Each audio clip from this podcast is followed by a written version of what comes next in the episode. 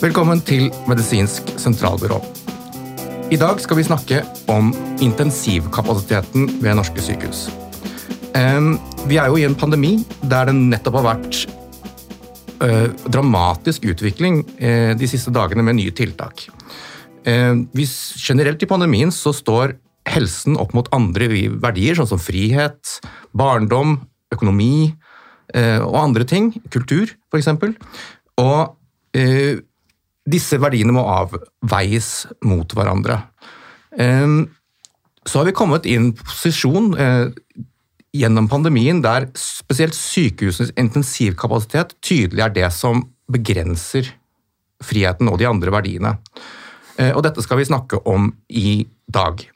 Eh, og derfor har vi invitert eh, Aksel Fridstrøm og Nils August Andresen, som er henholdsvis nyhetsredaktør og sjefsredaktør i Minerva.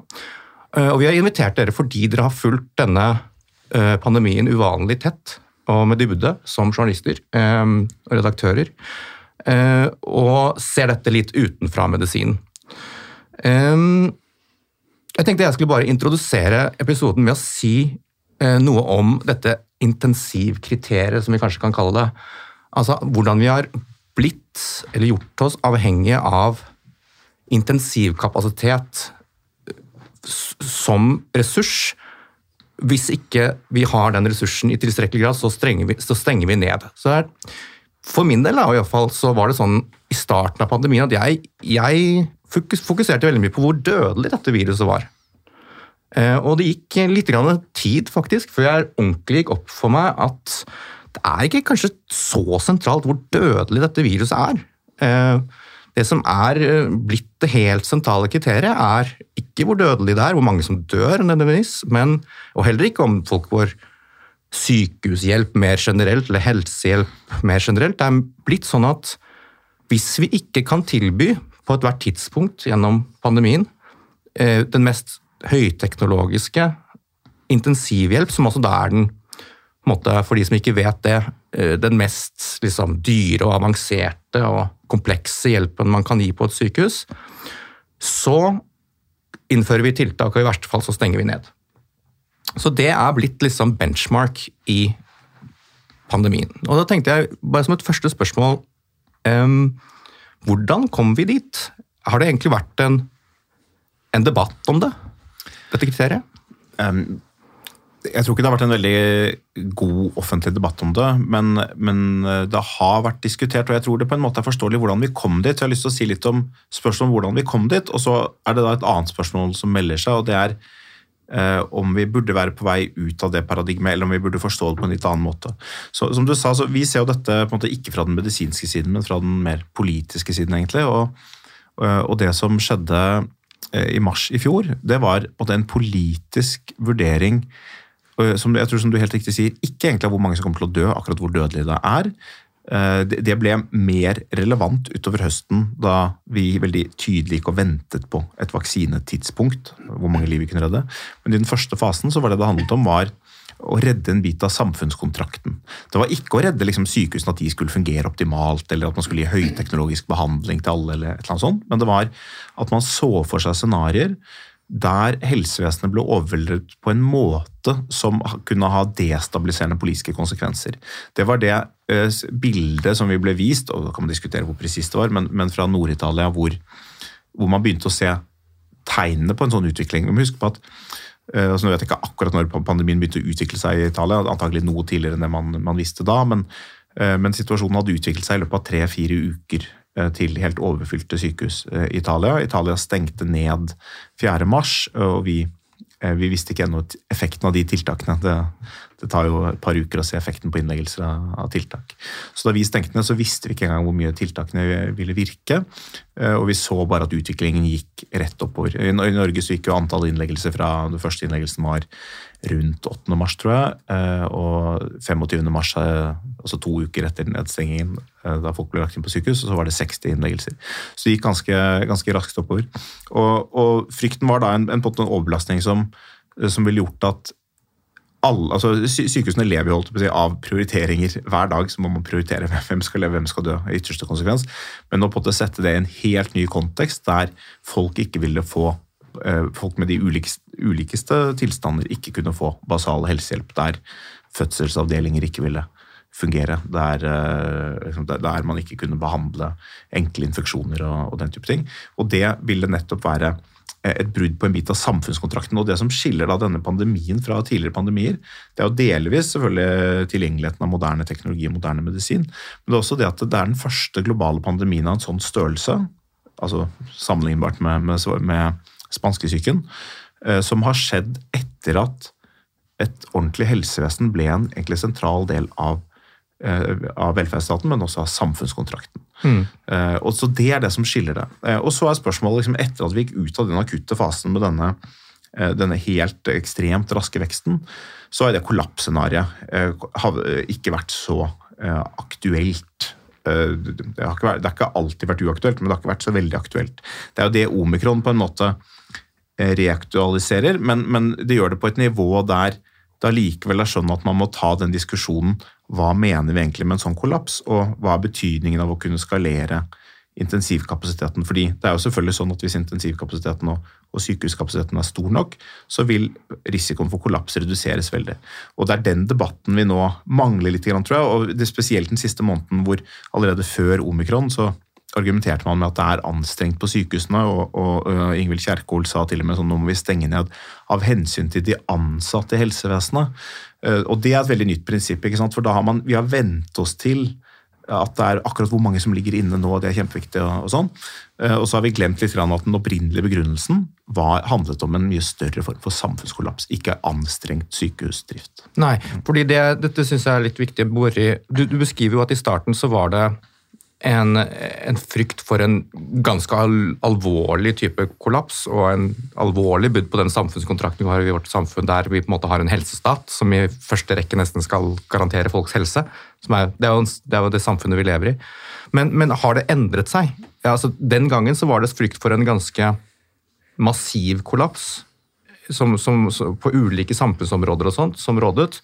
Nå har vi liksom fått kanskje, sånn som jeg opplevde det, en mer sånn spesifikk frykt for at intensivhjelpen ikke skal være optimal. Har det endret seg, syns du? Ja, altså Debatten har i hvert fall endret seg. og handler, Den intensivdebatten begynte jo eh, på, et tidspunkt før omikron, hvor noen kollaps ikke var på bordet, men hvor det nettopp bare var eh, anstrengt, og hvor det ville vært mulig å justere dette med ulike typer tiltak. Man kan jo se på andre land, Altså det er ganske interessant å se på antall innleggelser og intensivinnleggelser. F.eks. Sør-Afrika, i Gauteng, hvor omikron har begynt. Så er det, det er mye flere per per innbygger enn det er i Norge. og Det er jo ganske spesielt når vi har et av verdens eh, dyreste helsevesen og, og, og, veldig mange ansatte i helsevesenet. Så er det jo veldig spesielt å si at vi ikke er i stand til på noen som helst måte å, å makte mm. dette. Og Det er også det man i og for seg da, da ser nå. Når omikron kom, så sier plutselig uh, Gullvåg på, på pressekonferansen at de ber helsevesenet forberede seg på 500-200 innleggelser daglig med, med, tilhørende intensivinnleggelser, som jo er da femgangeren av hva de nå i en måned har sagt at allerede er på bristepunktet. Så det er klart at vi kan ta mye flere. Det omikron gjør, er jo på en måte at den igjen åpner opp denne muligheten for at totalbelastningen blir av en sånn kaotisk art. Vi vet ikke ennå, det er mye usikkert, men, men det åpner opp igjen det vinduet. Og jeg tror nok at det er grunnen til at f.eks. FHI eh, har uttrykt en så stor bekymring da, at man sier at det, her ligger det noe som er, er av samme type sånn destabiliserende karakter som det vi kanskje så i, i mars i fjor. Enig. Vi skal komme litt tilbake til også det om hvor, i hvor stor grad omikron endrer det vi skal snakke om, nemlig intensivkapasiteten, behovet for økt intensivkapasitet og sånt. Men Andreas? Bare, bare en liten presisering når det gjelder eller egentlig mer sånn forståelse og kontekst for helsevesenet. Altså, vi har bygget opp et system i Norge som er orientert seg veldig mot at primærhelsetjenesten, altså førstelinjen, eh, fastlege, kommuneleger osv., skal håndtere fryktelig stor andel av alle helsekontakter. Historisk 85-90% Så jeg vet Primærhelsetjenesten er Fastlegene, ikke sant? Fastlegene og kommunehelsetjenesten. Mm. Eh, og hvor sykehusene skal da håndtere det som ikke klarer å håndteres i, i førstelinjen. Da. Slik at hvordan man organiserer helsevesenet eh, er jo ulikt fra land til land. Og hvordan de gjør det i Sør-Afrika, det, det, vet jeg ikke. Men, men, det kan være en veldig viktig faktor inn i nettopp dette. At vi har historisk på en måte mm. dimensjonert for at, uh, at, det skal håndteres i andre deler av helsetjenesten. Mm. Men Aksel, um, hvordan ser du på dette? Med hvordan endte vi der med at vi er så opptatt av intensivkapasiteten? Altså, det kan være det er greit altså, som et kriterium for når vi skal stenge ned, og sånt, men, men, men det er ikke åpenbart kanskje historisk at vi skal sette Nei. det som kriterium. Altså, jeg syns at det er litt paradoksalt, fordi at eh, altså, vi har jo aldri på noe tidspunkt i historien egentlig hatt mer avansert medisinsk utstyr. Så det at man plutselig sier at nå har vi endt opp plutselig havnet på det Vi har ikke nok avansert medisinsk utstyr, men vi har samtidig aldri hatt mer medisinsk avansert utstyr. Og jeg synes at den, eh, det målet om at intensiven ikke må bli overbelastet, eh, er, det er litt rart av mange grunner. Det ene grunnen til at det er rart, at det er ikke så helt tydelig definert egentlig hva en intensivplass er. Så man vet liksom ikke helt klart hva man egentlig diskuterer, som er ganske spesielt når man forsøker å låse det til hva slags type samfunnsorganisering man skal ha for hele samfunnet. hvor Man har en helt abstrakt størrelse, så sier man nå er det litt anstrengt der, og ikke da, så skal liksom hele samfunnet snurre, snurre rundt den størrelsen. Det er det eneste som er rart. Det andre er at jeg altså jeg mener nok ikke at hvor mye intensivkapasitet vi, vi har er irrelevant. altså jeg mener at Det er veldig viktig, men jeg er ikke sikker på at det egentlig er eh, det beste målet for å styre pandemi. Fordi at eh, det som man egentlig ser på, er hvordan skal man liksom balansere, både på kort og på lang sikt, og altså hensynet til frihet kontra dødelighet. Og i det så ligger jo selvfølgelig det å ha en veldig god intensivkapasitet er selvfølgelig veldig viktig for å redde flest mulig mennesker. Men det overordnede målet er jo liksom å balansere dette med frihet og død. Og jeg tror at eh, litt av grunnen til at eh, dette med intensiv eh, blir litt viktig også, er at eh, jeg, liksom mitt inntrykk hvis du ser på pressekonferanser med politikere og sånn, så er man ikke så er det ingen som klarer å snakke om hvor mye død og sykdom er det liksom som samfunnet kan tåle. Altså, den debatten vil man ikke ha. Og Derfor er man liksom litt avhengig av å ha et eller annet annet å henge det på. Og da henger vi det på at alle skal ha eh, en eller annen bestemt type helsehjelp, da intensivhjelp, at den kapasiteten ikke skal gå tom. Det er ikke åpenbart at det er det mest rasjonelle målet. Altså, hvis, hvis samfunnet eh, går glipp av å tilby én person eh, avansert intensivhjelp, så er det ikke sikkert at det er liksom en veldig god begrunnelse for å stenge hele samfunnet. Så eh, det parameteret er relevant, men det er ikke et perfekt parameter, og man må være i stand til å se på veldig mange andre parametere, og man må også ha det mye tydeligere definert hva det egentlig er for noe, for å kunne styre på en sånn mente, mener jeg. Godt poeng. Jeg skal, vi skal komme litt tilbake til det som hva, hva kriteriene skal være litt senere. Bare, bare en liten kommentar til det du sier med, med altså det, det med at vi, det er et paradoks med at vi er, har så høy teknologi eh, i samfunnet. Men jeg, jeg tenker faktisk at det kan være en sammenheng her også. Altså, I medisin så er det ofte sånn at vi at våre mål eh, rett og slett defineres av hvilken teknologi vi har. Altså at eh, En filosof som jeg jobber sammen med, som heter Bjørn Hoffmann, har vært veldig opptatt av det. Altså at, at eh, teknologien på en måte ta, lever et liv for seg, nærmest. Og at det, det, at, vi, det at vi setter det som måte, benchmark for hva vi skal levere, det avhenger teknologisk av at vi har respirator, f.eks.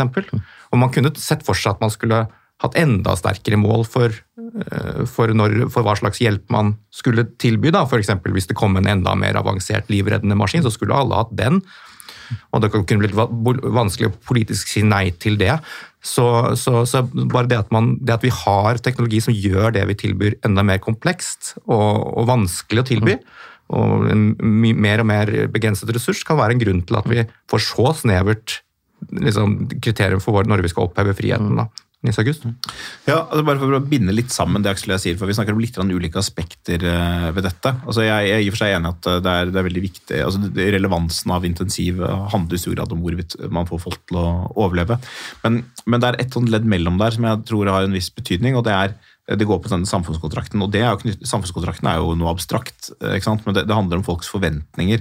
sånn at Hvis folk vet at eh, behandling som kan redde liv, som plausibelt vil redde- sannsynligvis vil redde liv, er tilgjengelig. Hvis man ikke får behandlingen, vil man dø.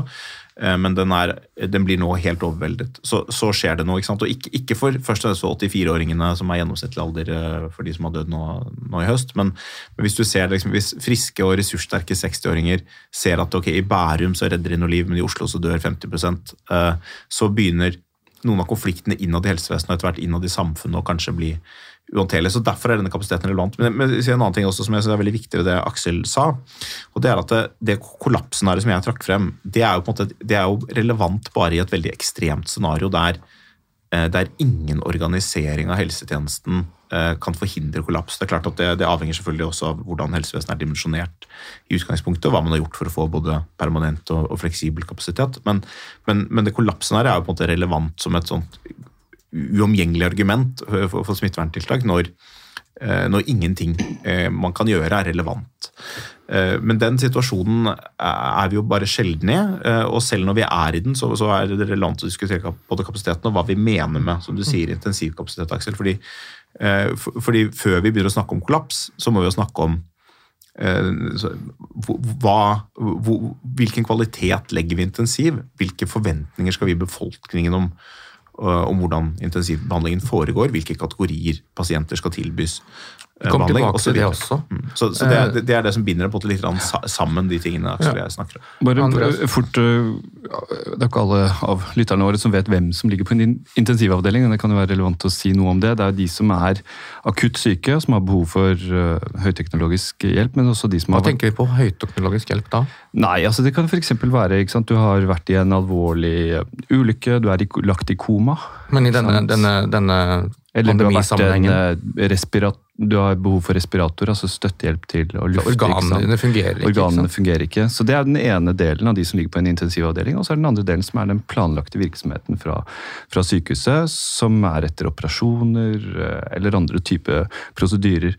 Og Der er jo, synes jeg er veldig interessant det du snakker om der, Nils August, og på en måte samfunnskontrakten. For det går jo også knyttet ikke bare, dette er jo ikke bare knyttet til død, eh, men det er også knyttet til forventninger til hvor mye skal vi som, som samfunn tåle av lidelse. For eksempel, du har planlagt å få en ny hofte, da.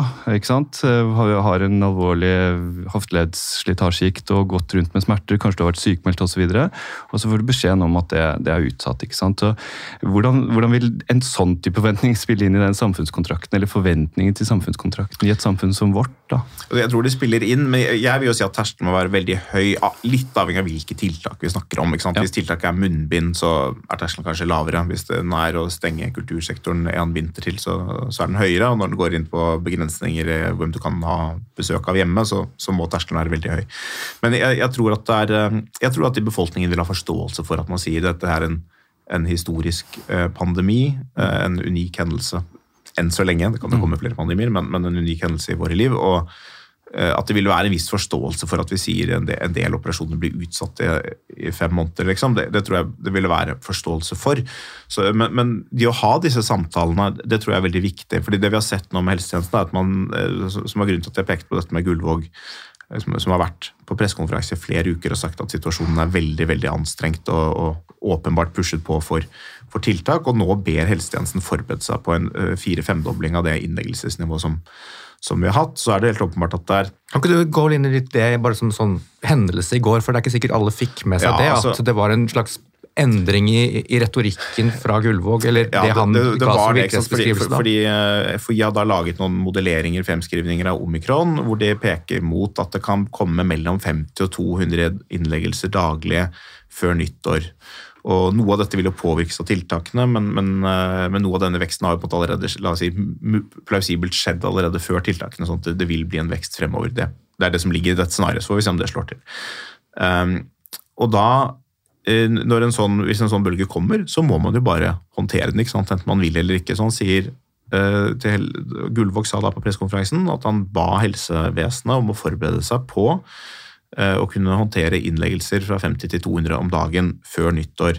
Nå er det, ikke han, det, er, ikke han som bestemmer over helsetjenesten, det er helseforetakene som, som, som gjør denne, liksom er linjevei for dette, men, men det er et veldig tydelig signal fra, fra direktoratet. Eh, og, og det er spesielt fordi han såpass lenge har fremstått som om vi opererer på bristepunktet. Eh, og det det viser, og det det betyr, er at han, han har ment antakelig, og det er et helt legitimt standpunkt, at eh, konsekvensene av å tilpasse seg en sånn eh, bølge vil være så negative, f.eks. For, for hoftepasienter eller Ja, I helse, konsekvensene i helsevesenet. ja, i helsevesenet, men selvfølgelig da for, for innbyggerne. ikke sant? Det er vi som bruker helsevesenet. Så, så konsekvensene er så negative, enten det er hoftepasienter eller det er i form av lavere kvalitet på intensivbehandlingen eller, eller noe annet, at han ikke ønsker det. Men, men problemet er at selv om det er et helt legitimt standpunkt, så er det et veldig politisk eh, standpunkt som må løftes opp og diskuteres i det, det domenet der det hører hjemme, som er den offentlige debatten og den politiske debatten. Og det har vi kanskje ikke gjort nok Aksel? Ja, for Jeg vil gjerne plukke litt i hvorvidt det liksom er et, et, et legitimt standpunkt eller ikke. Altså det, det er åpenbart le legitimt å mene at sykehusene ikke skal uh, gjøre mer i en sånn slik eller sånn situasjon, fordi det går ut over andre pasienter. Men uh, uh, for meg så er jo det vi gjør når vi iverksetter smitteverntiltak, det er at vi ser på hele samfunnet, så sier vi disse aktivitetene mener vi er de minst nyttige samfunnsaktivitetene, og så stenger vi de aktivitetene ned. Så gjør vi det for hele samfunnet. Eh, og eh, det må jo selvfølgelig ses opp mot det å se på hele sykehussektoren. Og si ok, hva er de minst nyttige aktivitetene i sykehussektoren, og kan vi stenge ned de før vi stenger ned noen aktiviteter et annet sted. Og når eh, Bjørn Gullvåg argumenterer for at eh, liksom, sykehusene eh, ikke bør gjøre mer fordi at det går utover sånn og sånn, så er det, det er greit å argumentere for, men jeg syns ikke han eh, gir nok informasjon egentlig om hva er det, som, hva er det det egentlig innebærer. For at dette er en, en, en veldig viktig eh, diskusjon for hele samfunnet. Altså vi sier at nå eksempel får ikke eh, kulturarbeidere gjennomført sin forestilling. ok? Men hva er det det egentlig er holdt opp mot i, av innstilt aktivitet, si f.eks. i sykehusvesenet? Eh, og det, Gullvåg det, det sier ikke Gullvåg helt tydelig når han blir spurt. Altså Han sier liksom bare jeg kan si vi kan klare 200, vi kan klare 300, jeg kan klare 400, men jeg vil ikke si det, for det går uansett utover noen. sa han, Sentrent sånn, sånn sa han på Debatten for noen uker siden. Er det generelt et problem at disse diskusjonene foregår litt internt i hoder i byråkratiet som i første rekke er opptatt av helse mest? Det, det, det tror jeg at det er. Altså jeg tror at Hvis du går, går gjennom pandemihåndteringen, så tror jeg at eh, politikerne, altså Solberg-regjeringen eh, i mars 2020, så hadde de ledende politikerne, altså Erna Solberg, Bent Høie og Mon- Monica Mæland, som kanskje var de tre sentrale politikerne i, i pandemihåndteringen, de hadde en forståelse av hva dette var. altså De hadde, de hadde sin forståelse, man kan være enig i den, men de hadde en klar forståelse av hva det egentlig handlet om, hva det var man forsøkte å unngå. Um, men så etter hvert som pandemien utviklet seg, så ble tingene på det litt mer uklare. Og så var det klart at så Da kommer helsebyråkratene og FHI inn med sine litt sånn ulike agendaer og, og preconceptions. Uh, og det er klart at er, jeg tror det kan være en veldig tydelig forskjell på det kliniske perspektivet og helsesystemperspektivet og det politiske perspektivet. Det er tre forskjellige ting. Og det politiske perspektivet det, det, kan på en måte være både eh, mer for tiltak og mer mot tiltak enn det medisinske perspektivet, avhengig av hvilket medisinsk perspektiv man anlegger. Og, og I det tilfellet Aksel snakker om, så er det veldig tydelig at det er eh, at det har i hvert fall vært savnet veldig tydelige begrunnelser da, som, som det politiske perspektivet trenger. At man sier at det, det går utover noen. Ok, men, men akkurat hvordan, eh, akkurat hva er det det går utover helsevesenet og, og befolkningen gjennom helsevesenet, og akkurat hva er det tiltakene går utover. De må på en eller annen måte settes i sammenheng. Og selvfølgelig under, under en forutsetning om eksponentiell vekst. Men, men det kan også være sånn det jeg sa i sted, sånn at Folkehelseinstituttet for i mars i fjor, de hadde jo et folkehelseperspektiv som kanskje undervurderte litt denne denne samfunnskontraktstenkningen. Da. da kan man jo diskutere om den var relevant, om det i verste fall liksom var, var, realistisk, men, men der lå det et sånt politisk perspektiv som ikke er en del av den normale folkehelsetenkningen, som i og for seg inkluderer masse politiske perspektiver, men ikke denne kanskje helt sånn grunnleggende kaos eller orden. det helt basale politiske spørsmålet. Jeg tenker også litt mer sånn helt konkret på pressekonferansen og sånn. Der kommer liksom av og til kulturministeren og næringsministeren og sånn, med sånn litt sånn lua i hånda.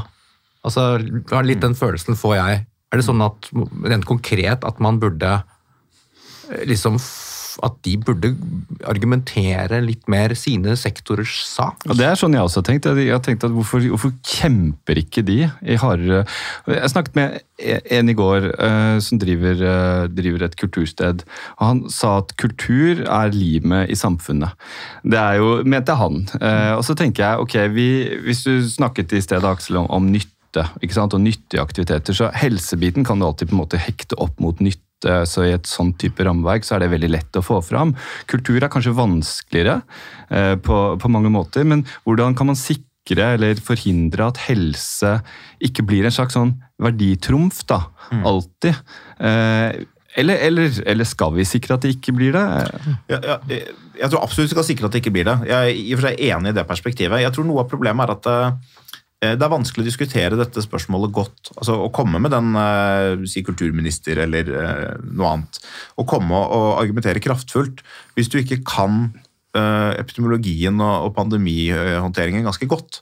Fordi du må på en måte skjønne du, du må også selv skjønne hva, du, hva er det du er villig til å tåle i helsevesenet, og, og hvordan er det denne funker egentlig, denne eksponentielle veksten, og hva skjer hvis vi ikke har tiltak. Du må ha det veldig klart for deg.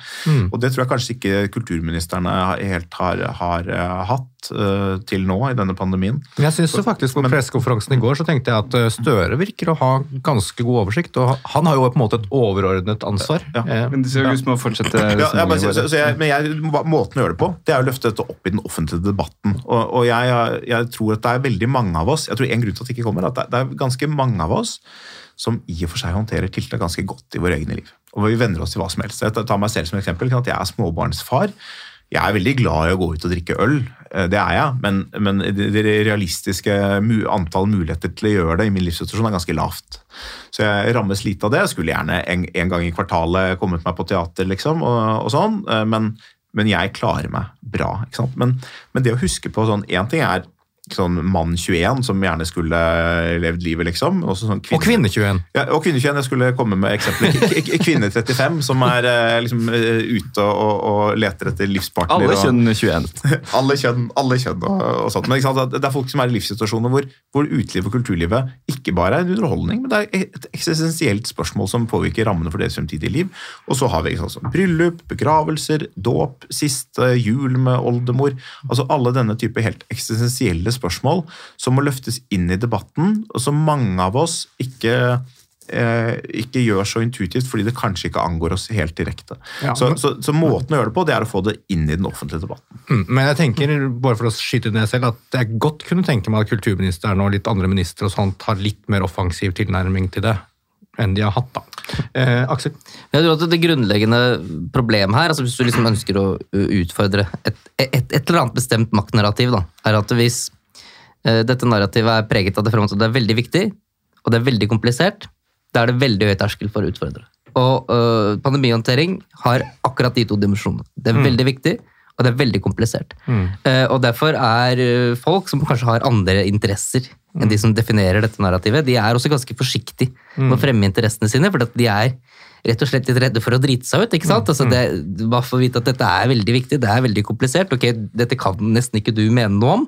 Og så blir man liksom litt øh, altså vet ikke, Da klarer man ikke helt å gjøre noe med det. og Derfor er litt av det som vi også holdt på med i Minerværet, at vi er liksom opptatt av å forsøke å, liksom å, å avkle kompleksitet. Da. Altså Forsøke å gjøre det litt grann enklere. Så hva er det man egentlig snakker om? Hva er det man kan forvente at sykehusene kan klare eller ikke klare? ikke sant? Når det kommer på pressekonferanse Nå kan det bli 200 nye sykehusinnleggelser om dagen, sånn som det var i går. Ok, Er det mye eller lite? Det kommer jo helt an på hva du sammenligner med. Eh, så eh, det tror jeg er veldig viktig. Og så kan det jo være at selv når man liksom har nøstet opp all denne kompleksiteten, at det sier helsemyndighetenes råd likevel liksom er det riktige. Kanskje, det, kanskje de har rett, men eh, det er likevel alltid en risiko i samfunnet hvis man fremholder noe med makt bak. Dette er veldig viktig, det er veldig komplekst. At samfunnet ikke klarer å helt gjøre de rette avveiningene fordi at de som har andre interesser, ikke er i stand til å utfordre narrativet. Mm. Og, når, og når altså da um, Som du sier, kunnskapen som skal til, da, som man oppfatter skal til for å forholde seg til dette, det er så kompleks og det er så viktig, så, jo, så kommer man jo også i en situasjon der, der en, i dette tilfellet den medisinske kunnskapen gir altså Kunnskap er jo makt, som det heter. og den gir da ekstre, ekstrem definisjonsmakt. Da. Eh, og, eh, og nå skal vi inn på, eh, på, på, på dette med om man kan heve intensivkapasiteten, for det blir jo da et eksempel på mange måter på det. Altså, da mener jeg ikke makt på noen negativ måte, men altså når, eh, når, når en mindre avgrenset gruppe profesjonelle sitter med en kapasitet, en kompetanse som har så mye å si, som hele samfunnet i praksis spinner rundt da, i en fase historisk, eh, så, så må vi vel diskutere hvordan den Eller om, for det første, og eh, hvis så, hvordan denne kapasiteten kan økes. Eh, Er det ikke så? Jo, si, altså jeg, som en slags overgang til det, så vil jeg si at uh, jeg har opplevd at pandemihåndteringen i Norge det er, det er en del temaer som har vært for lite diskutert. Både sånn noen av de aller viktigste prinsipielle uh, eller sånn teoretiske rammene for hvordan vi havnet i dette paradigmet i det hele tatt, og en del sånne ting. Men spesielt i, i høst, eh, etter at denne si, første fasen med først eh, og kollaps, og så vente på vaksine, etter at den var over, så har vi hatt en debatt. Vi har hatt en debatt om tiltak, og politikerne har ikke vært helt i helse, si, helseparadigmets vold. Raymond Johansen har vært veldig tydelig på at han ikke ønsker liksom, tiltak. Kortvarig. Eh, Kortvarig og Jon Oskar Støre er også veldig tydelig på pressekonferansen i går på at, for eksempel, at det ikke var snakk om å slå dette ned, men å flate ut kurven. også At det er en Mm. bevisst tanke bak dette. Eh, og I tillegg så har vi hatt en, en mer robust offentlig debatt. Eh, altså Trude Basso, som er en profilert lege, har vært ute og, og snakket om intensiv og, og sykehuskapasitet. Og Tore Vik, som er professor i statsvitenskap, har skrevet i Morgenbladet, og, og vi har skrevet om dette i Minerva. Så, så det finnes nå en debatt. eh, man kan, man kan, Den offentlige debatten er ikke bare Bjørn Gullvåg og Helsedirektoratet. Det er, det er mer, mer enn det, og, vi har hatt en debatt om om disse tingene, men akkurat når man kommer til selve organiseringen av helsevesenet, så er det jo sant, ganske komplekst. og Det er også et felt Vi har jo holdt på i, med pandemidekning da, i, i halvannet år, og det er først nå vi kommer til eh, vi, vi har ikke brukt tid før nå de siste ukene vel, Aksel, på, på liksom den interne organiseringen knyttet til intensiv, som jo er et veldig viktig spørsmål, men som ikke har vært som ikke har vært så oppe, og som er ganske vanskelig tilgjengelig også. Ja, og som vi heller ikke vet svaret på, på enda, Ja. kan du si. Vi bare, men vi synes at det er eh, altså jeg, Nå var det vel i går eller i forgårs at det ble vel lansert å komme en sånn stor utredning av hva intensivkapasiteten i, i Norge er. Eh, og jeg synes det er det er jo fascinerende. altså liksom Snart to år ut i en pandemi, så skal vi forsøke å finne ut av hva intensivkapasiteten er, samtidig som liksom de fremholder det som en sånn åpne-lukke-mekanisme for, for hele samfunnet. Eh, så, men jeg har jo ikke aldri vært Altså Jeg har jo aldri vært inne på en intensivavdeling, så jeg kan ikke fortelle deg hva intensivavdelingen er. Men kan, vi har liksom noen syn på uh, hvilke parametere er det interessant å diskutere når man sier at kapasiteten er sprengt. ikke sant? Man kunne se for seg Er det arealet på sykehuset? Er det antallet maskiner du har? Er det antall kompetent personell du har? Og i så fall, når du har identifisert de flaskehalsene, hvorfor er det ikke mulig å øke dem? da? Altså dette med, Bare for å ta dagens uh, tall, da. Uh, I dag er det mm, innlagt 358 pasienter med korona. På, eller covid-19 på eh, norske sykehus, og det er 109 av dem ligger på intensivavdelinger. Eh, Henrik, du sa jo innledningsvis, og du har jo vært nå i debatten, altså skrevet to kronikker i Aftenposten om, om dette. og der har Hovedargumentet ditt, eller det du ønsker å få fram til, er om man kan justere noe på kapasiteten. Eh, og det du egentlig sier, sånn som jeg forstår deg, for å korrigere meg, er at vi har lagt en sånn standard, en standard of excellence, eller en sånn eh, profesjonsteknisk standard, som at vi, vi, har, vi kan tilby dette. Det er, det er top notch behandling, eller intensivbehandling. Og, og så spør du kan man ikke gjøre noe med det for å kunne håndtere flere pasienter, slik at vi kunne sluppet eh, inngripende tiltak i, befolkningen. Ja, ikke sant? Ett skritt tilbake. Altså, jeg tror at alle er enige i denne debatten som nå foregår, om at intensivkapasiteten bør bedres. Og så kan man da si at det er to adskilte, men altså, det er en sammenheng mellom de to faktorene, men det er to kan skille intensivkapasiteten i to. Det ene er en stående kapasitet som man har permanent hele tiden, som intensivmiljøene naturlig nok ønsker å øke. Og det tenker jeg man skal ha forståelse for. Det er noe med at Når de har vært såpass båndskrap kapasitetsmessig, så har man lite å gå på, og også mindre fleksibilitet når man går inn i en bølge. Men så har jeg tenkt, og det tror jeg mange tenker, at man kan ikke håndtere større bølger i pandemien av, eh, av kritisk syke mennesker kun med en stående kapasitet. Du må ha en eller annen form for mobilisering, en form for fleksibel bølgekapasitet, kan man kanskje kalle det, eh, som kan håndtere kortvarige, større bølger og, og, og, og, øke kapasiteten radikalt, egentlig forbigående, for at det skal være monne.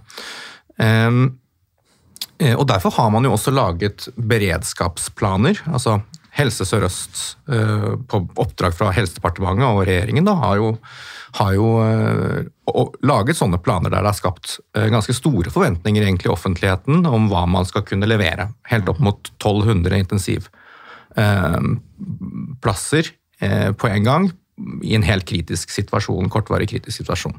Nå sa du også at man var på rundt 100 intensivpasienter med, med korona. Mm. Og så en 300 pluss eh, totalt. 360 eller noe ja, sånt totalt. Ja. Og vanligvis så har man da 250 eller noe sånt noe Eh, plasser som står, eh, som er sånn stående kapasitet. Det, så det er jo en strekk i den stående, ganske betydelig strekk i den stående kapasiteten, men samtidig har man ikke økt fra så mye mer enn 250 til 360 nå. Altså det er jo langt derfra til 1200 f.eks., mm. eller 500 for, for den saks skyld. Ja, så det er to ulike måter å tenke på at denne kapasiteten kan økes. Eh, og så eh,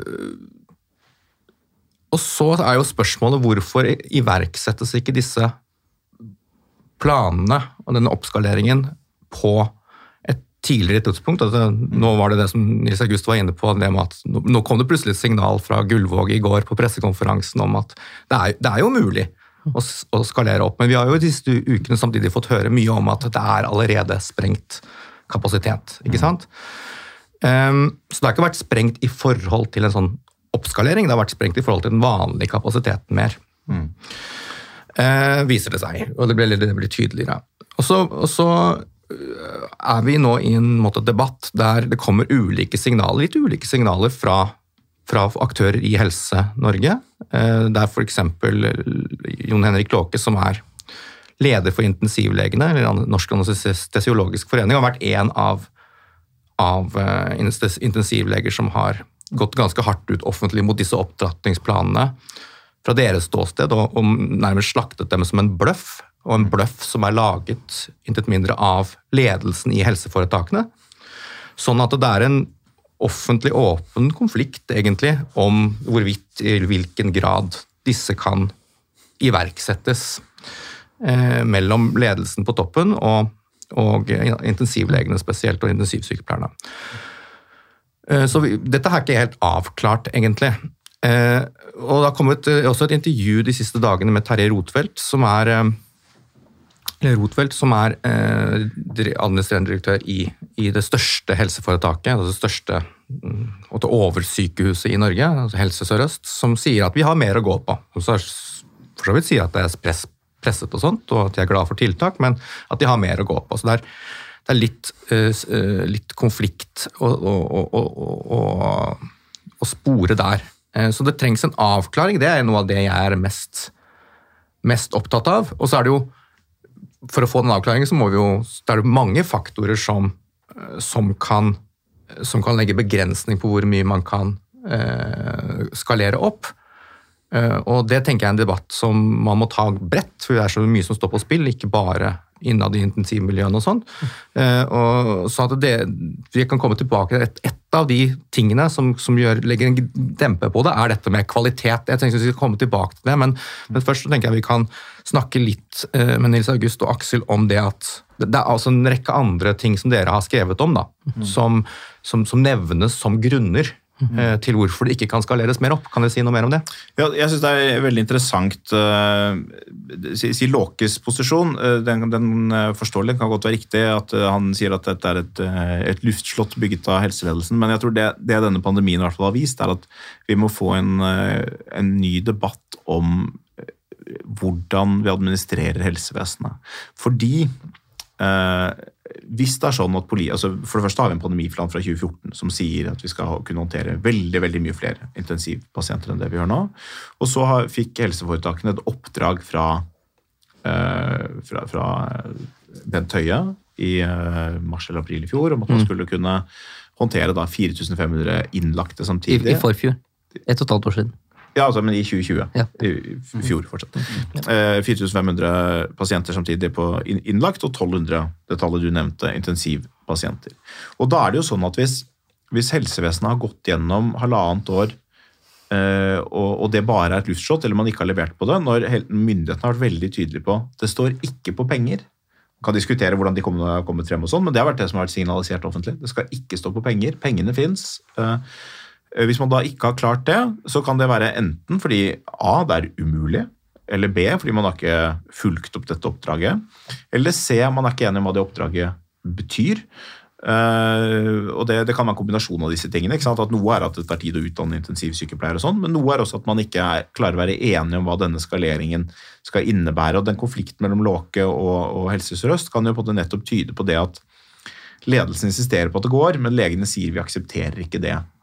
Aksepterer ikke den planen. på en måte. Og det er et, Hvem som har rett, det skal jeg ikke sette meg inn i, men det er et slags ledelsesproblem da, at man ikke klarer å bli enige om hva som er mulig å få til. Så tror jeg En grunn til at det har blitt sånn, det kan være at den nedstengingen vi hadde gjennom høsten i fjor, og frem til mars, eh, spesielt i Oslo, eh, da hadde vi jo veldig strenge tiltak, og det er det folk har vent seg til og husker. Men den nedstengelsen var ikke egentlig begrunnet først og fremst med helsevesenets kapasitet. Den, der var det dødsfallene vi brydde oss om. Og grunnen til det var at da, da visste vi at vaksinen kom, og så, så, ventet vi på det. Vi tenkte at det er dumt at det dør 5000 mennesker nå i desember og januar, mens vi akkurat, akkurat mens vi setter vaksinen på, på dem over 65 år. Så, så eh, vi har vent oss til å holde pandemien lav av andre grunner enn hensynet til helsevesenet. Vi gjorde det over lang tid, og så tenkte nok kanskje både helsemyndighetene, altså både statsråden og helseforetakene at vi trenger ikke å, å snu liksom, Vi trenger ikke å sette himmel og jord i bevegelse for å øke denne kapasiteten, fordi det er ikke det som er greia nå. Vi har, vi har tiltak av andre grunner. Vi trenger ikke å øke denne kapasiteten. Nå blir alle vaksinert, og så er vi ferdig. Ja, jeg tror det er et viktig mm. poeng. og Det skal være en, liten, en liten unnskyldning eller forklaring til en del aktører i helsevesenet. at det er jo mange meg selv inkludert, som trodde litt det var ferdig ja. i sommer. Mm. Så det, det, er jo en liten Ja, Det er en forklaring, men det er, det er ikke en ordentlig unnskyldning, fordi vi, vi var ikke ferdig. Og, og altså, Dette oppdraget er jo gitt, og denne beredskapsplanen også Pandemien har jo på en måte lært oss at det er en grunn til at vi har disse beredskapsplanene. og det Eh, og det får vi jo nå smake litt på nå, da, at det er uklart om vi har klart å oppfylle det politiske vedtaket som ble gjort, i møte med noe som vi hele tiden visste var en plausibel mulighet, nemlig en ny variant som delvis vil omgå vaksinen. Mm. Jeg vil si at det, det, som jeg særlig syns er veldig rart når man snakker om hva er det som er taket på intensiv, for det blir jo diskutert frem og tilbake, altså hvorfor er det ikke mer? ikke sant? Og Det er, det er ulike argumenter som kommer frem, men jeg tror fra statsministeren så har det vært fremhevet bemanning. Eh, når vi eh, konfronterte sykehuset i Østfold, som sa at de også hadde veldig anstrengt kapasitet, og konfronterte dem med tidligere beredskapsplaner for å lage jeg tror en egen etasje med 50 intensivplasser i tredje etasje på sykehuset i Østfold. Så, så hvorfor kan ikke liksom denne planen settes i gang? Og da sier de at nei, men det eh, har en risiko, fordi at da må intensivsengene de må bemannes av intensivsykepleiere i team med ordinære sykepleiere. Mm. Eh, og uh, man kan jo se for seg at det er en uh, relevant type hensyn hvis pandemien kom i, i går. Altså, men nå har jo pandemien vært der i snart to år. Så hvis man ikke kan liksom forberede staben sin på et sånt scenario i løpet av to, to års planleggingstid, mm. så er det, det, er det veldig spesielt. og veldig ofte så er det, syns jeg, de Eh, argumenter som benyttes mot at kapasiteten skal skaleres opp, er ikke noe du kan regne med som en hardstop. Altså hvis, hvis vi, har, vi, har, ikke flere maskiner, de kan ikke portere flere maskiner, mm. ok, da er det en hardstop. Mm. Eh, men hvis stoppen er at vi klarer ikke å omskolere personell, ja, det kan være en hard stop på veldig kort sikt, mm. men det bør ikke være en, det er i hvert fall ikke en hard stop på to års planleggingshorisont. Uh, så jeg syns at dette er fremfor for meg som uh, veldig rart. Og jeg syns det er eh, med de begrunnelser som brukes for at intensivkapasiteten ikke er større, det sier noe om en eller annen form for ledelses- eller kulturutfordring i disse foretakene. Mm. For dette er ting som det burde være mulig å løse. Mm. Og så er det også en annen ting som jeg syns er viktig å ta opp. at Det kan jo godt være at disse i Eh, intensivmiljøet. De har helt rett i at disse planene, for å si 1200 intensivplasser, at det er et luftslott. Altså Kanskje det ikke er mulig å få til. Mm. Men det er i så fall ikke et veldig godt argument mot at det skal være mulig å få til 900 plasser. Ikke sant? Nei, altså, hvis, plasser imellom. Altså, hva er det du eh, Det at du, du, du, ikke kan nå dette toppnivået, er ikke et veldig godt argument mot at du skal gå så langt som du kan, kan komme. Mm. Ikke sant? Altså, hvis jeg står på stranden og så vet jeg at det kommer en flodbølge, og så sier dere nå Aksel, nå må du bygge fem meter høy demning, sier jeg nei. Jeg kan ikke bygge 500 med fem meter høy demning, jeg har, ikke, har ikke, tid. Men det er ikke et godt argument mot å ikke bygge noen demning i det hele tatt. Mm. Eh, så jeg syns at den, den, debatten er veldig rar, det må jeg bare si. Ja, Det kan jeg forstå. Jeg skal ta bare litt sånn perspektiver fra, fra helsepersonell, eh, sykepleiere og leger som, som, jobber på intensiven. Så tror jeg at det jeg, jeg skjønner på en måte dikesammenligningen. Så tror jeg omstillingen for den enkelte til å si at ok, vi har hatt en standard, vi har klart å gjøre dette og dette og dette, til å plutselig skal gjøre noe som innebærer at folk ikke kan få den best mulig tilgjengelige hjelpen. Det er en veldig krevende øvelse for helse, helsepersonell. Da. Eh, og jeg kan forstå de som på en måte frykter den situasjonen. I hvert fall hvis det ikke kommer støtte fra oven. Altså, og Da tenker jeg egentlig rett både i ledelsen, men også kanskje helt på politisk nivå, som sier at nå er vi i en krisesituasjon, nå må vi gjøre ting på en annen måte. Men så lenge den uteblir, så har jeg dyp respekt for den, eh, og sympati mm. med, med, med, de legene og sykepleierne som er bekymret for den utviklingen. Ja, for jeg tror mange inntil nylig som jeg har snakket med, som jobber i helsevesenet på sykehus, har De har jo vært en lang periode nå. Og for mange av dem så tror jeg det oppleves nå som at eh, denne krisen ikke er helt ekstraordinær. Altså at den dugnadsånden som de snakker om, er ikke, er ikke der helt lenger. Og da tenker jeg som deg at det er veldig viktig at det kommer signaler ovenfra, ikke minst liksom fra politisk og symboltungt nivå, på at det, det er ekstraordinært igjen, liksom. Eh, sånn at det er, som du sier, det tenker jeg er kjempeviktig. Så det er som du sa, Andreas, at det er eh, instinktet for en lege å si vi vil tilby best mulig hjelp. og Sånn er det jo alltid. Og så er det noen ganger så er det på en måte folkehelse messige eller politiske grunner som tilsier at man må organisere på en annen måte enn det. Men, eh, det det betyr, er at det er veldig forståelig at leger eh, som leger heller ønsker seg tiltak i samfunnet, i hvert fall inntil et punkt. ikke sant? Eh, for å kunne gi bedre hjelp til sine pasienter, fordi de ivaretar sine lokale interesser. på en måte. Det var jo intervju med var det lege på sjef, sjefen for Diakonhjemmet eller noe sånt, som sa så, som klinikksjef så altså, Er du for tiltak? Som klinikksjef er jeg for tiltak, men som menneske så er jeg det ikke. Og så Det er en mm. distinksjon. Det var fint sagt. Egentlig. Ja, det var veldig fint, det var veldig fint sagt, men, men det peker også på, på, på at eh, det, er, det, kan være en krevende jobb i for seg som leder å si til leger at vi skjønner at du ønsker å tilby denne best mulige hjelpen. Det er jo det samme som vi av og til har med dyre kreftmedisiner og andre typer ting. Vi, vi, skjønner selvfølgelig at du ønsker dette, eh, og her er grunnene til at vi er nødt til å gjøre det på en annen måte. og Dette er sånn vi skal gjøre det, og dette er sånn vi skal få det til. Og Det er et ledelsesproblem, og det er et ledelsesproblem innad i helseforetakene. Eh, men med et politisk nivå, fordi det er, det er, et symboltungt nivå her også. på hvordan vi skal gjøre det. Og jeg tenker at Dette blir viktig fremover. Nå, nå sa jo Støre i går at vi, nå skal vi flate kurven. og er og da er Hvordan en sånn flat kurve ser ut, det avhenger veldig av hva intensivkapasiteten er. Fordi eh, hvis du skal ha veldig få innlagte, hvis du skal holde deg på 109, da, så må du jo slå helt ned nå, og så holder man det på R er like 1, reproduksjonstallet for pandemien er like 1, gjennom veldig, veldig, veldig lang tid. Mm. Veldig, veldig lang tid. Jeg, så, jeg, jeg, tenker bare at det du sier også handler jo litt om at altså man, kan, man, kan, tenke at det med omikron, at det omikron kommer nå, det gjør at dette blir ikke så viktig mm. lenger.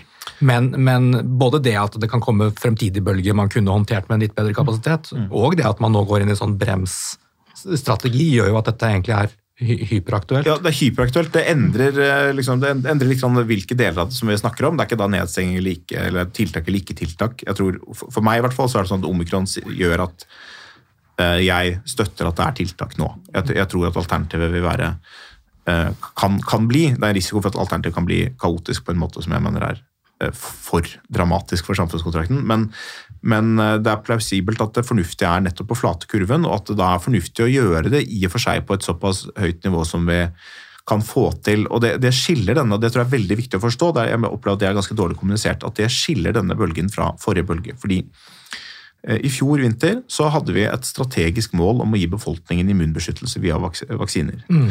Og Det målet er nå langt på vei gjennomført. Mm. Det er boosterdoser osv., men, men veldig mye er gjort. og Det mm. betyr også at måte, hvor, nytten av det som gjenstår, er mye mindre enn nytten av det som vi, vi kunne gjøre i fjor. Mm. Så det Vi gjorde i fjor var at vi, vi begrenset størrelsen på det samlede sjokket samfunnet måtte absorbere sykdommen.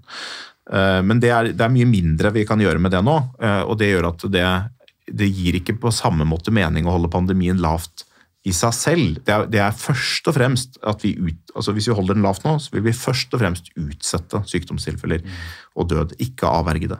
Og Det gjør at det er viktig måte, vi, vi må gjennom det på en eller annen måte. og Da, da er det ikke noe mål å ha strengere tiltak enn helt nødvendig. eh, Og da er det, det er et mål at, vi, at smitten skal gå på et visst nivå. Og da er intensivkapasiteten igjen ekstremt viktig å forstå og diskutere. Ja, jeg tenker at dette, dette med vaksinene det endrer alt, og det gjør også at denne situasjonen vi er i nå, den ligner mye mer på den vi kan se for oss at vi kommer til å være i fremtiden. Ja, absolutt. Derfor må vi begynne å gjøre ting på den måten vi har tenkt å gjøre ting i fremtiden. Aksel? Ja, for jeg, og Der vil jeg gjerne tilbake til dette med uh, hvordan det ser ut fra, liksom, fra helse, helsepersonalets perspektiv. Jeg synes du hadde et veldig viktig poeng som du tok opp der. og Det, uh, det ene er jo liksom Hvis de ikke opplever at liksom, hjelpen kommer ifra oven, så er jo det, eh, si det noe no, noe veldig negativt om oss som samfunn. for jeg tror at det er, det er jo egentlig der ute et enormt engasjement for å kunne få styrket opp disse avdelingene. sant? Man er jo nesten villig til å gjøre hva som helst for å hjelpe deg, enten det skal være penger eller ressurser eller frivillig arbeidskraft, i den grad det egentlig er relevant. men altså det, det, det, burde ikke stå, altså det, det, det ville ikke stå på noen vilje for å liksom å gi dem den hjelpen de trenger. Så hvis de opplever at ikke de får den hjelpen fra oven, så er det jo et eller annet sted at den liksom stopper opp, og det er jo i så fall et veldig stort problem. Mm. Det andre perspektivet som du tar opp, er jo at eh, for helsepersonalet, altså intensivsykepleierne og legene, så eh, er det selvfølgelig viktig for dem å tilby den, den absolutt aller, aller beste hjelpen, og det er liksom det eneste som er, som er godt nok etter deres profesjonsetikk. Eh, og jeg er jo veldig glad for at alle leger og intensivsykkelpærer tenker på den måten. Det ville vært veldig dumt hvis de ikke tenkte på den måten. Eh, men det må jo også ses opp imot eh, hvorvidt vi er i en situasjon der hvor kvaliteten på eh, behandlingen til den enkelte pasient er det viktigste, eller om kvantitet også blir en kvalitet i seg selv. At hvis du får mange nok mulige intensivinnleggelser, så kan det være mye viktigere å kunne behandle mange pasienter med en litt grann lavere, lavere kvalitet enn det det eventuelt er å behandle et fåtall med veldig høy kvalitet. Og så For å bare sammenligne, så er det jo nå er det vel 1000 man er blitt enige om at liksom, eller som, ligger på papiret, at vi skal kunne uh, behandle med liksom skalerbar kapasitet. Og La oss si at uh, overlevelsesraten da på intensiven er halvparten av det den er i dag. Da. For i dag er den 80 uh, Men hvis du sier at den blir 40 så vil jo 1000 intensivinnleggelser med 40% overlevelsesrate, da er det 400 liv som er reddet. Men hvis du bare driver 300 plasser med 80% overlevelsesrate, så redder du bare 240. Så i det tilfellet så er det bedre å ha mer kvantitet og lavere kvalitet. Eh, Men jeg er ikke sikker, og øh, følgelig så er det liksom Det setter jo oss antagelig oss helsepersonell i en veldig veldig vanskelig, vanskelig situasjon. Men her er det også andre måter å tenke på kanskje enn det de gjør til vanlig. Mm. Og nå tenker jeg at vi er over i det som vi skal, neste steget i denne, denne samtalen, og, som handler om det som eh, Andreas var inne på litt i, i stad, med dette som er kvalitetskravet, som kanskje har blitt tydelig eh, ekstra tydelig det siste. Eh, nemlig, for vi, vi har, som vi har snakket om, det er dette med intensivhjelpen, altså at alle skal ha intensivhjelp. Eh, ellers så innsetter vi tiltak. Men da, da, da, da har man gjort seg avhengig av en veldig begrenset og høyteknologisk ressurs, som vi var inne- på. Og da blir neste, neste spørsmål egentlig hvordan skal den intensiv, hvilken kvalitet skal den intensivhjelpen ha? Og Vi har jo vært inne på flere ulike hensyn. så Manglende av sliten personell og, og plassmangel og organisatoriske forhold. Men, men jeg tenker at det har blitt tydelig at det med kvalitet og kvalitetskravene intensivmiljøet, altså sykepleiere og intensivlege, stiller til hjelpen de vil tilby, er også en, ser ut til å være en begrensende faktor på hvor mye intensivhjelp eller kvantitetsmessig intensivhjelp man kan tilby. Um, Det er i hvert fall en grense for hva de ønsker å tilby. ja, er- ja, ikke sant? Og, og, og, det, og det, dette går på yrkesstolthet og, tradisjoner i, i faget og, alt sånt.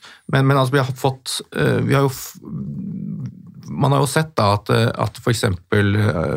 Jon Henrik Låge, som da er eh, fagforeningsleder for, for intensivlegene, har vært ute i, i mediene og tidligere i starten av året og, og snakket om at ganske sånn dystre ordelag om hvor dårlig denne intensivhjelpen man vil få hvis man skalerer opp. og bruke, Da må man bruke personell som ikke er topptrent innen, innen intensivmedisin og intensivsykepleie, så at de, spesielt intensivsykepleie, så at de, de, er kanskje kurset over kortere tid. Og, og Beskrivelsen som kommer fra intensivmiljøet, da, er at etter deres oppfatning så er det så vil den være lav. Det vil liksom innebære hjerteskjærende scener der folk som er utrent står med pasienter som er døende eller alvorlig syke og ikke klarer å håndtere det.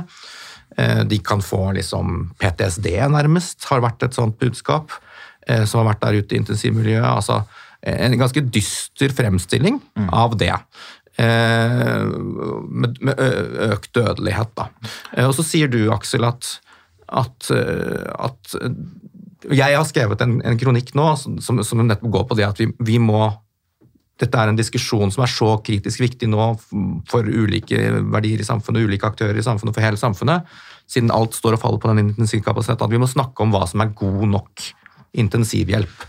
Og da var du, Aksel, inne, rett og slett inne på en slags ny omdreining av det, der man tenker på hvor, hvor, hvor stor dødeligheten vil være. Ja, så jeg tenker at Eh, dødeligheten gjennom pandemien er nok et, et mer relevant mål enn liksom at man skal opprettholde en bestemt type prosess på intensivavdelingen. Mm. Eh, men det er vanskelig for, eh, og at det derfor også blir relevant å diskutere kvantitet i intensivplasser opp mot kvalitet. Og akkurat hvor mye mindre kvalitet du får ved å øke kvantiteten, det kan ikke jeg Nei, her er det noen premisser som har kommet på banen. Eh, det må komme noen premisser på banen. Men jeg syns at det, det, er langs de linjene eh, man må ha den diskusjonen. Og så kan det jo godt være, eh, eller det er, det er helt sikkert, at det er, finnes et punkt der hvor vi skaper så mye mer kvantitet at kvaliteten faller til det punktet hvor det blir meningsløst. Det mm. punktet finnes et eller annet sted. Altså de, og de, de, som advarer mot det punktet, de har helt rett. Mm. Men akkurat hvor det punktet finnes, det er det som liksom er, er, nødvendig å få avklart. Ja, for det er, veldig, det er jo sett fra meg som jobber på Senter for medisinsk etikk, dette er rett og slett en veldig viktig et etisk spørsmål, der liksom kvalitetskravene i intensivbehandling faktisk står opp mot frihet og alle andre hensyn ute i samfunnet. Så det er både en etisk og en politisk veldig viktig spørsmål. Nils August, bør dette tas, Er dette en politisk og offentlig diskusjon? Det, altså, det, det, er, det, bør være et politisk spørsmål. Aksel har et veldig godt poeng i at uh, disse premissene må klarlegges. fordi det er åpenbart at man trenger innspill fra altså At det er viktige premissleverandører på bakken på si, som, som, vet hvordan dette er, og som kan Absolutt. si noe om uh, hvordan det påvirker kvaliteten og sånn.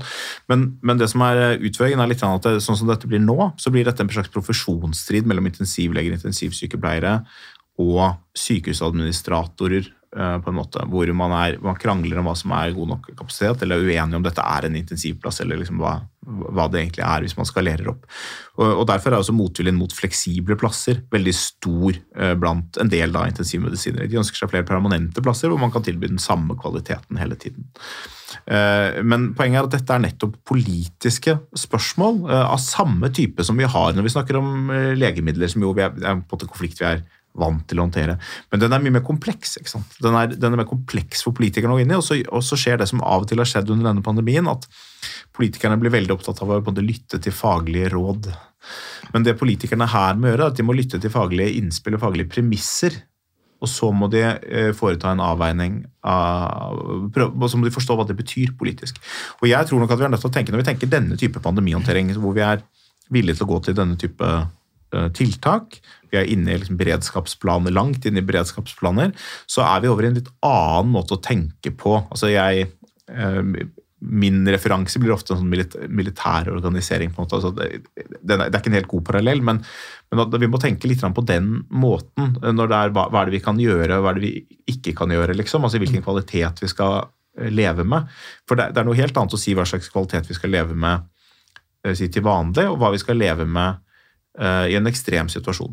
For Du kan si, du snakket om å se litt fremover, Henrik, og hvis vi ser for oss at det kommer, eh, at vi får mer alvorlige bølger med luftveisrespiratoriske sykdommer hver vinter fremover fordi korona legger seg på toppen av, av alt annet, for eksempel, så er det jo ingen tvil om at vi må øke den permanente kapasiteten.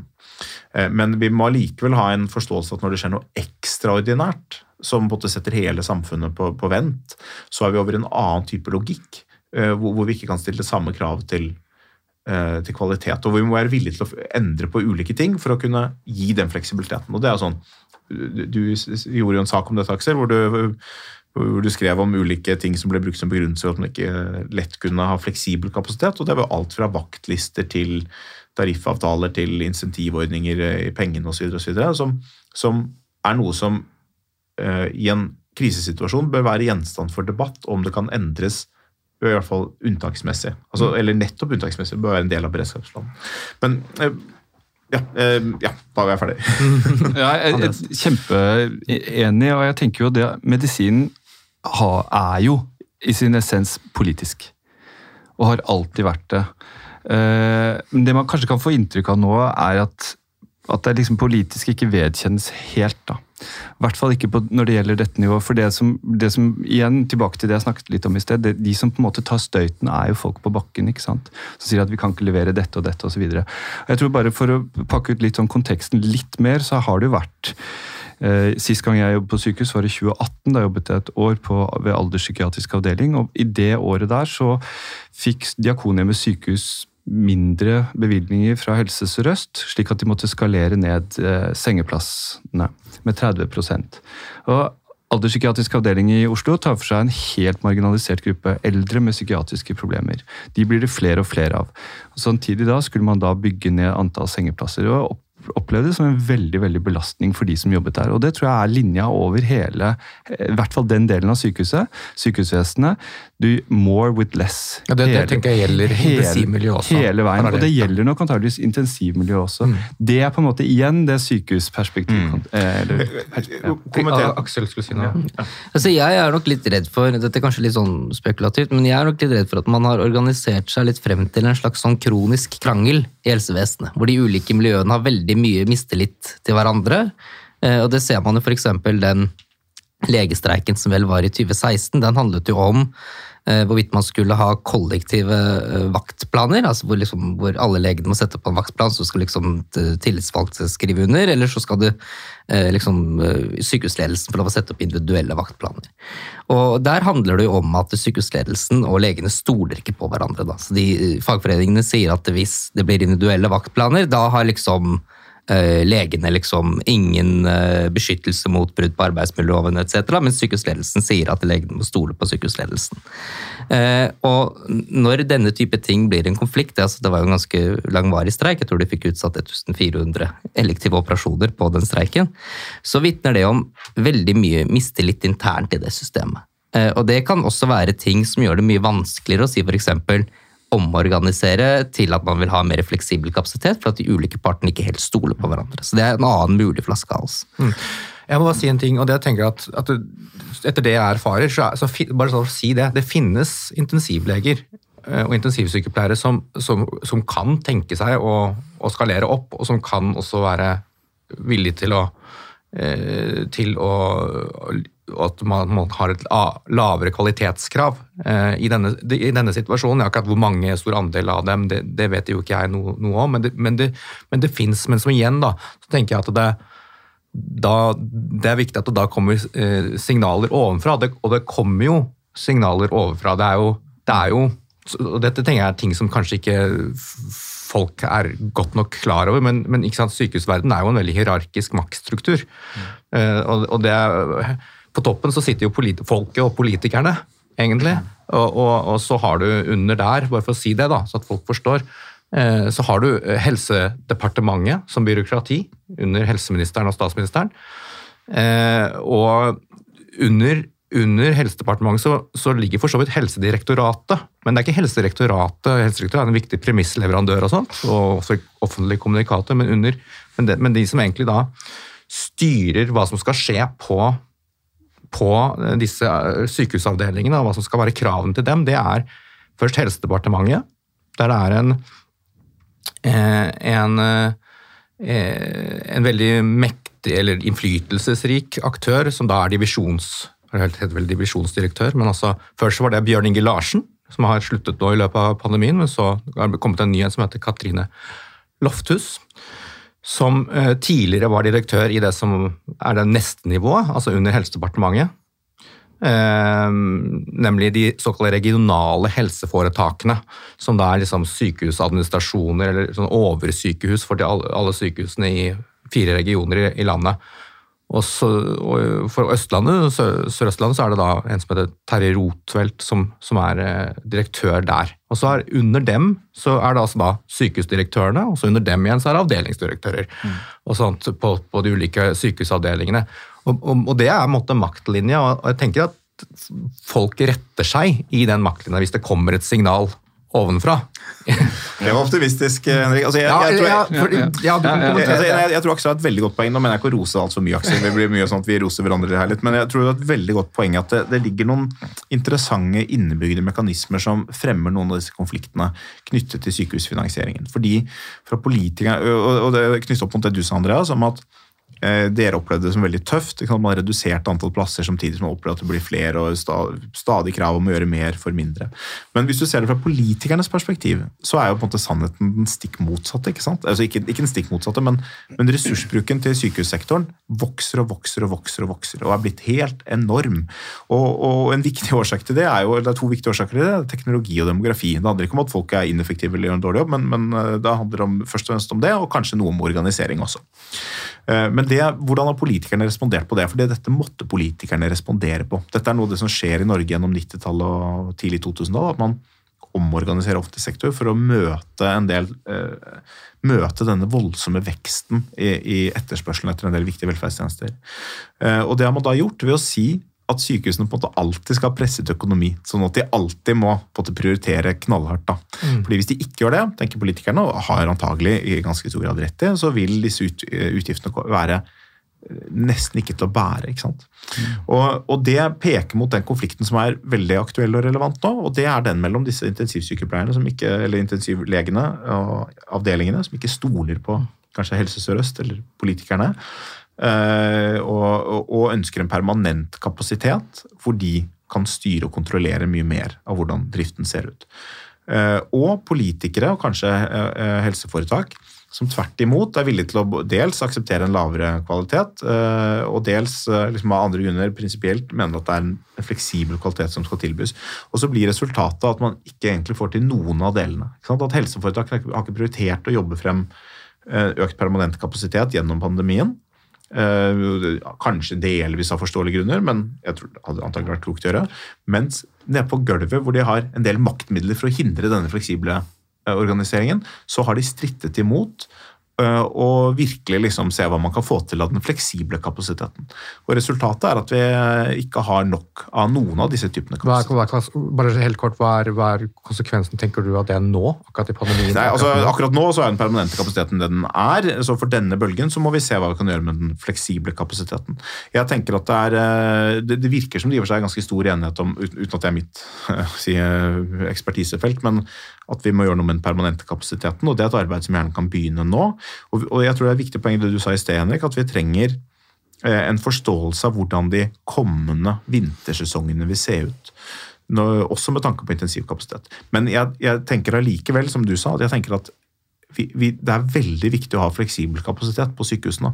Fordi det å ha store avdelinger stående med lavt belegg, eller, eller altfor uh, alt for mye kompetent personal som er satt inn på, på, på, på, en uriktig måte, eh, det er fryktelig dyrt og bidrar ikke til å oppfylle våre overordnede helsemål. Så, så vi må absolutt diskutere rollen til permanent kapasitet. Jeg sier ikke at den må være så lav som den er i dag.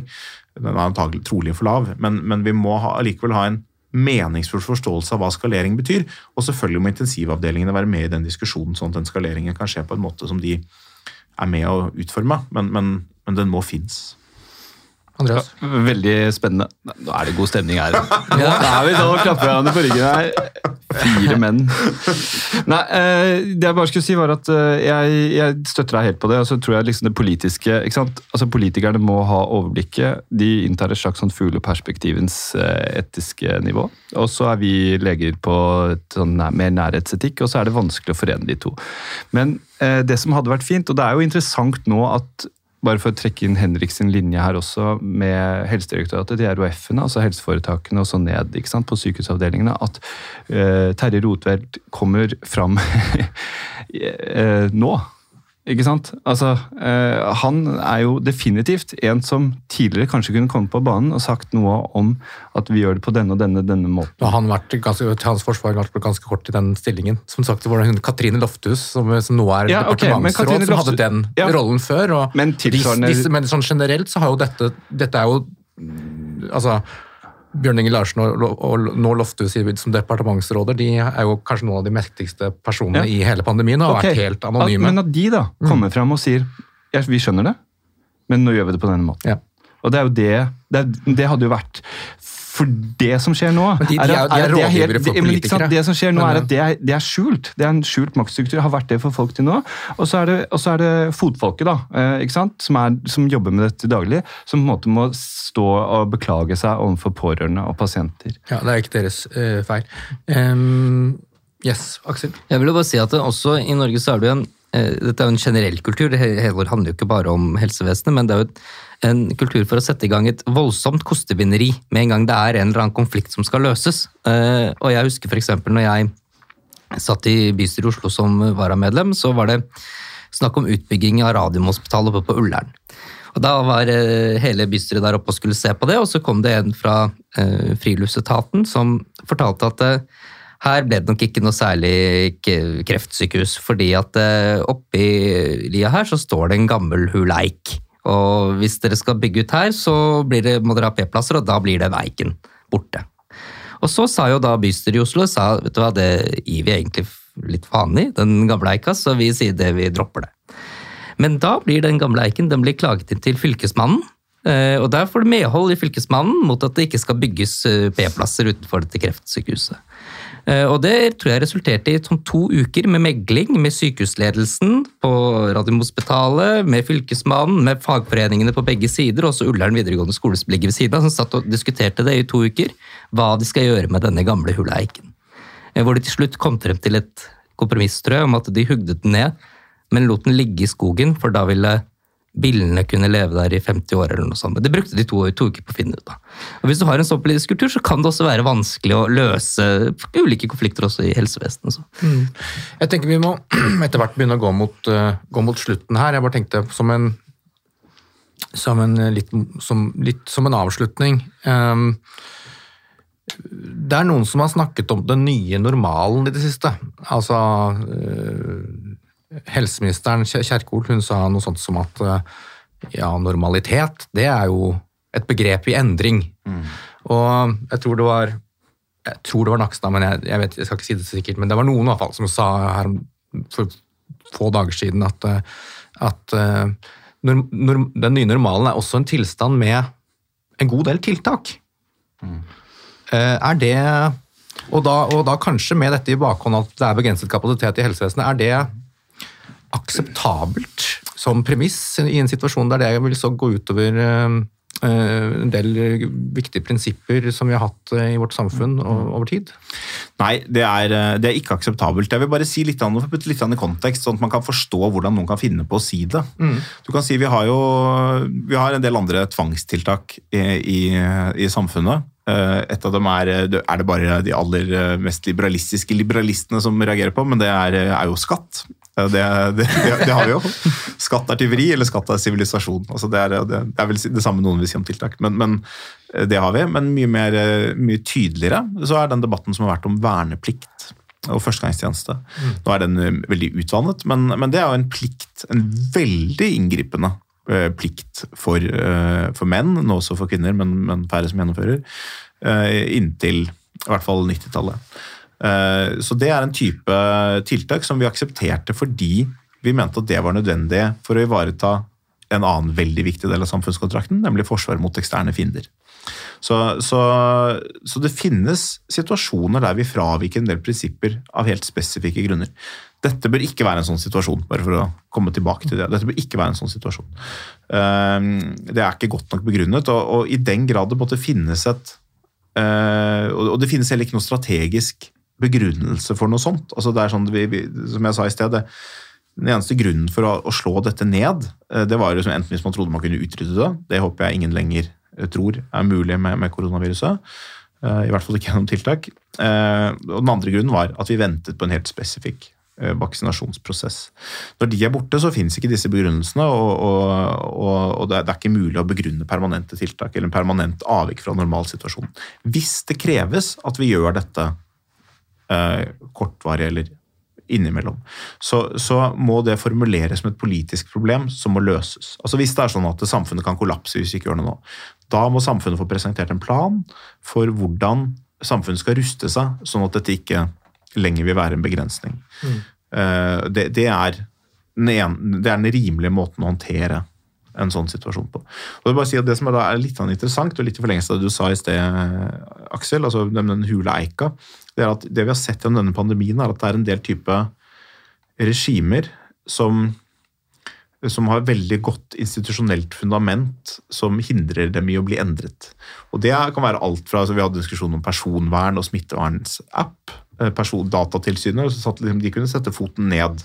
De var i en posisjon til å si dette går ikke, dette er for inngripende. Uh, og litt tilsvarende kanskje i, helsevesenet at det er en del type organisatoriske og, og profesjons Eh, organisatoriske interesser, profesjonsinteresser, som har makt nok til å hindre visse typer måter å gjøre ting på. Eh, alt fra vaktordninger til, til hvem som jobber sammen i team, til, eh, til, hva man definerer som kvalitet. Der er det en del sånne, De har sterke regimer bak seg, sterke profesjoner bak seg, og, og, å, få hevdet det. Mens da liksom dette hvor mange man kan møte, møtes i hjemmet, det har jo selvfølgelig det, det møtes jo med motstand, folk, folk, liker det ikke, men, men det, er ikke, det er ikke en organisert gruppe. Det er bare Hans Petter Grav. Det, det, kan at, det, kan jo være at, de som, vi som har lyst til å være mer enn ti hjemme hos hverandre, kan, vil lage en organisert gruppe etter hvert. Jeg vil tro at det er ganske naturlig eskalering av Absolutt. Over tid vil det bli, vil det bli politisert, men det er ikke institusjonalisert i dag. Og, og det betyr at der, det å få makten over normalsamfunnet, det det, det har nok vært noe som vi, jeg tror vi alle har tatt for gitt at det skal tilbake. Derfor er ikke det blitt organisert. Og jeg håper at vi har hatt rett i det, sånn at vi ikke trenger å organisere det når vi er gjennom omikronbølgen. Eh, jeg, jeg tror fortsatt at normalen kommer tilbake, og at politikerne er innstilt på at den skal gjøre det, og at Støre i og for seg har en strategisk forståelse som leder frem til normalitet etter uh, omikron. Så vet vi at det kan komme nye varianter, men at vi vi er på vei gjennom dette. Men, men, jeg vil ikke si at vi ikke skal være bekymret for det. Eh, og Det ser man på uttalelser som den Kjerkol hadde, og, en del andre både medisiner og samfunnsdebattanter som, uh, som på en måte kanskje trives litt til og med med at helsekrise er en måte å, å se samfunnet på også. Så, så, så en, vi må ha en bevissthet på det. Men vi skal ikke til vi skal, vi skal ikke dit. Og hvis det er noe som tvinger oss i den retningen, så må vi identifisere det og endre det. Mm. Jeg tenker at pandemien er såpass, en såpass stor historisk eh, hendelse at vi det er noe som skjer her. og Vi kommer aldri til å komme helt tilbake der vi var, men vi skal i hvert fall være bevisst på hvor vi ender opp på slutten. Eh, Aksel avslutningsvis? Jeg tenker at Det helt klare målet bør være å komme til sånn nærmest mulig tilbake til der vi var forut for pandemien, som et normalt samfunn. eh, og så vil jeg si at eh, jeg tror at det kan bli litt en politisk kamp. For jeg tror at det er også ganske mange mennesker som er veldig skremt opp og veldig glad i, blitt mer glad i sånn smitteverntiltak eh, og, og, fremover det. Så det er denne nye normalen som da vet ikke hva Naksa som pratet, hvor det hele tiden fantes litt grann sånn tiltak. altså det, det, er, det er, et mulig utfall av den liksom kommende dragkampen og hvordan det norske samfunnet skal bli organisert. Men jeg syns ikke det er et veldig godt utfall. Ja. Og med hele den samtalen som bakgrunn, så så er det ganske mye på spill. Da. Og så står på spill, og da får vi kanskje være enige om at det må være mulig å ta en dis diskusjon om intensivkapasitet, eh, demokratisk og offentlig.